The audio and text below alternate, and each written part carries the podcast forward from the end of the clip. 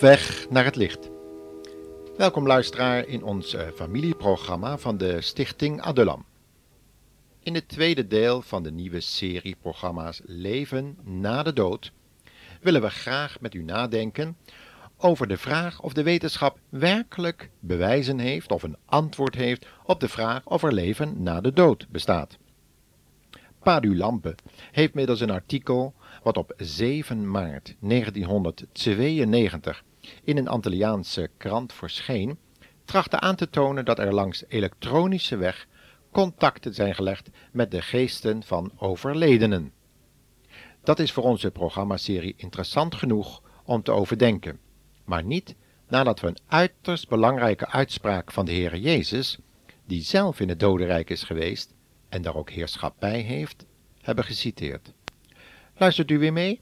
Het staat in Lucas 16, vers 19 tot 31, waar de Heer Jezus de toestand beschrijft van sommige mensen die in het dodenrijk verblijven, of toen verbleven.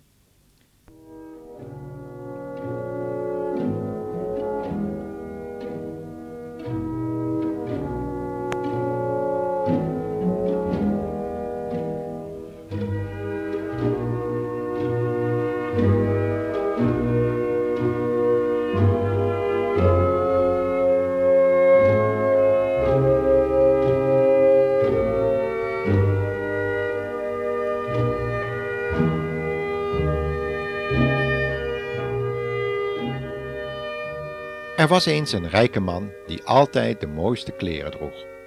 Hij woonde in een groot, duur huis en leidde een luxe leven. Op een dag werd een bedelaar, Lazarus genoemd, bij de poort van zijn grote villa neergelegd. Zijn lichaam zat onder de zweren. Hij hoopte zijn honger te stillen met wat bij de rijke man van tafel viel. Hij was er zo erg aan toe dat de honden zijn zweren kwamen likken.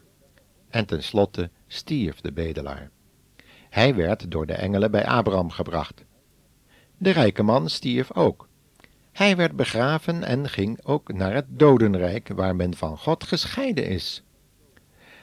Op die plaats, terwijl hij daar grote pijn leed, zag hij in de verte Lazarus, die bij Abraham was.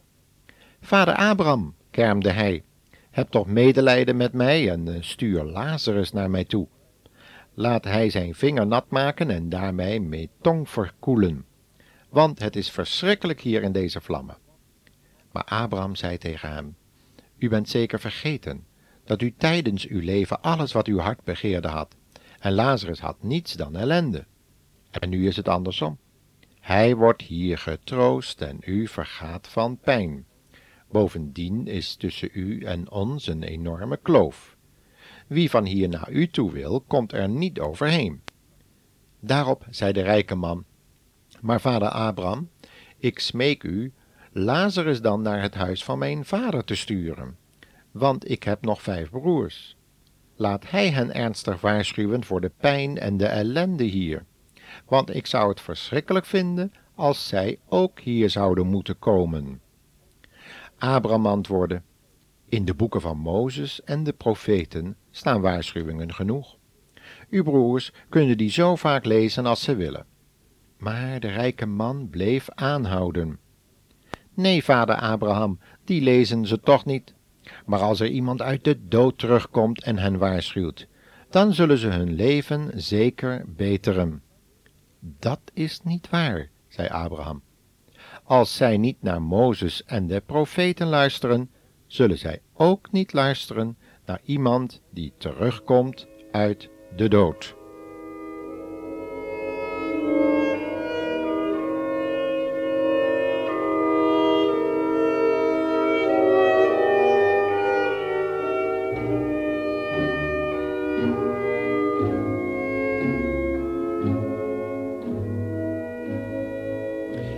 Ja, en dan zijn we precies weer in het thema van deze uitzendingen. Nu zouden we ons kunnen afvragen hoe Lazarus, in tegenstelling tot die rijke man, in Gods heerlijkheid heeft kunnen komen. We lezen het antwoord in Hebreeën 10, vers 19. Omdat Jezus zijn leven en zijn bloed voor ons, en dus ook voor Lazarus die in hem geloofde, heeft gegeven, broeders. En daarom mogen wij bij God komen. Omdat Hij zich voor ons heeft opgeofferd, is er voor ons een nieuwe weg naar het leven gekomen, dwars door het gordijn heen dat het allerheiligste van het heilige scheidde. En dat gordijn is Jezus lichaam.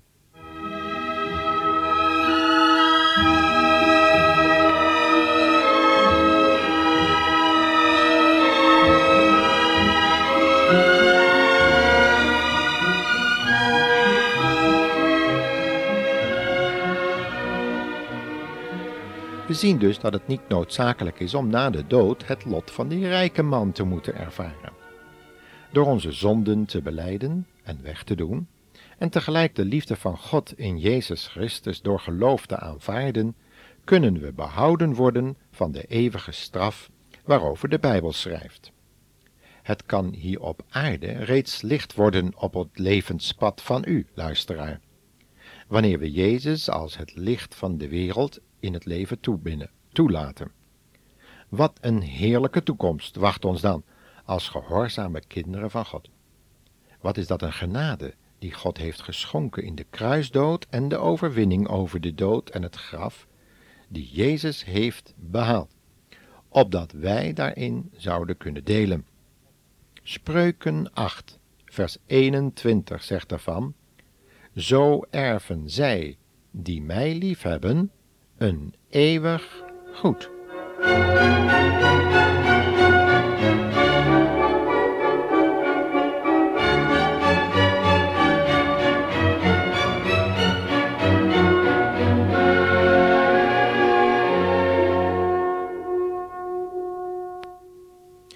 Ja, en dan nu die bevindingen en uitspraken van de reeds genoemde elektronicus en muzikus Padu Lampe.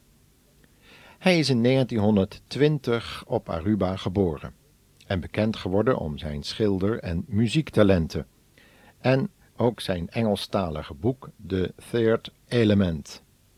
Dit, onderzoekingen, ja, dit boek dat heeft onderzoekingen gedaan op het grensgebied van leven en dood. Laten we eens luisteren welke conclusies hij getrokken heeft uit al zijn bevindingen op dit gebied. Hij en een zekere George Meek hebben beide een zogenaamde Spiricom-systeem ontwikkeld, waarbij de stemmen van overledenen op een geluidsbandje kunnen worden opgenomen. De stemmen van allerlei bekende figuren klinken dan door de studeerruimte en spreken over vibratie, een uh, atmosfeer, waardoor ze met enige moeite contact met de levende zouden kunnen krijgen.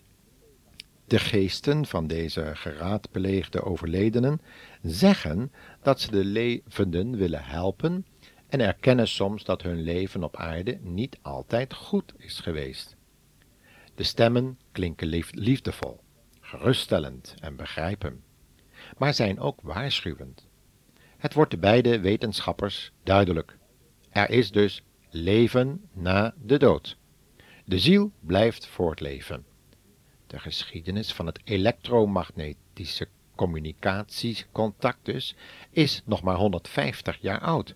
Maar dankzij geperfectioneerde apparatuur is het nu mogelijk de elektronische vibraties van geluiden zelfs van het dodenrijk op te vangen, zo zeggen beide wetenschappers. Maar hun eindconclusie is verbijsterend. Want aan het einde van hun verhaal zeggen zij voor het eerst in de geschiedenis van de mensheid is nu bewezen dat de dood slechts een deur is naar een oneindig leven. De angst voor de dood wordt nu overbodig, evenals de bezorgdheid bij het overlijden van een geliefde of kennis. Het taboe met betrekking tot het sterven kan nu worden weggenomen. Het non-productieve religieuze dogma wat gedurende eeuwen ontelbare mensenlevens heeft geëist, kan overboord worden gegooid. Elk individu kan zich gaan realiseren dat hij een bewoner is van een ogenschijnlijk eindeloze kosmos. Einde citaat. Het is nogal wat wat hier gezegd wordt. Het non-productieve religieuze dogma dat gedurende eeuwen ontelbare mensenlevens heeft geëist. Welnu, als dat niet vijandschap wekt tegenover de religie als zodanig, dan weet ik het niet meer. De heer Lampu zegt tenslotte: Ik zou graag willen dat iedereen gelooft dat de ziel na het sterven voortleeft. Neem van mij aan dat die gedachte het leven op aarde een stuk aangenamer maakt. Je kan dan niet meer vernietigd worden door een atomische holocaust. De beide wetenschappers en ontwikkeling van, ontwikkelaars van het zogenaamde Spiricom-systeem dat communicatie met overledenen in het jaar 2000 tot de gewoonste zaak van de wereld zou moeten maken, zijn dan ook niet bang voor de dood, naar hun zeggen. Maar we vragen ons af of zij de uitspraken van de Heer Jezus eigenlijk kennen. Of wat erger zou zijn, ze nemen de God van hemel en aarde, die ook hun schepper is, niet serieus en hebben zo hun eigen denkwereld tot een afgod gemaakt. Zou de apostel Paulus dat soms bedoelen wanneer hij in de brief aan de Romeinse gelovigen het volgende schreef? Vanuit de hemel straft God alle slechte, zondige mensen die de waarheid niet willen accepteren. Want die mensen kunnen heel goed weten dat God er is. Hij heeft het zelf bekendgemaakt. God is wel onzichtbaar, maar zijn werk, dat is alles wat hij geschapen heeft, bewijst zijn goddelijke kracht want sinds het ontstaan van de wereld is zijn bestaan duidelijk te herkennen uit wat hij gemaakt heeft. Daarom hebben de mensen geen enkele verontschuldiging. Hoewel de mensen in staat waren God te kennen, wilden ze hem niet de eer geven die hem toekomt, en hem niet eens danken voor alles wat hij heeft gedaan. Ze hielden zich met allerlei ideeën bezig, en in hun verdwazing raakten zij het spoor bijster. Hoewel ze dachten dat ze alles wisten, waren ze in werkelijkheid dom. In plaats van de eeuwige God te eren, maakten zij afgodsbeelden van sterfelijke mensen, vogels, zoogdieren en reptielen. Daarom liet God hun een speelbal worden van hun eigen onreine begeerten, zodat hun lichamen misbruikt en onteerd werden, en ze ruilden Gods waarheid in voor de leugen. En omdat zij niets van God willen weten, heeft God hen overgelaten aan alles wat in hun verdorven gedachten opkomt.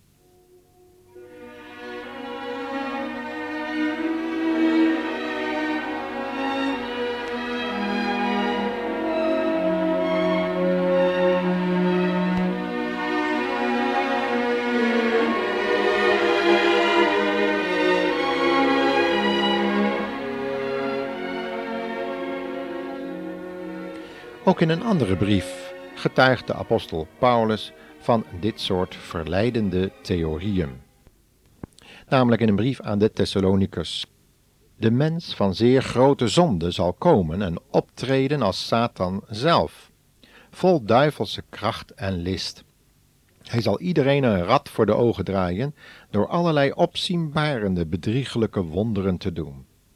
In elk geval de mensen die op weg zijn naar de ondergang omdat zij niets willen weten van de waarheid, waardoor zij gered hadden kunnen worden. En omdat zij niet van de waarheid houden, laat God hen met hun hele hart in leugens geloven. Ze zullen allemaal veroordeeld worden, omdat zij niet de waarheid geloven.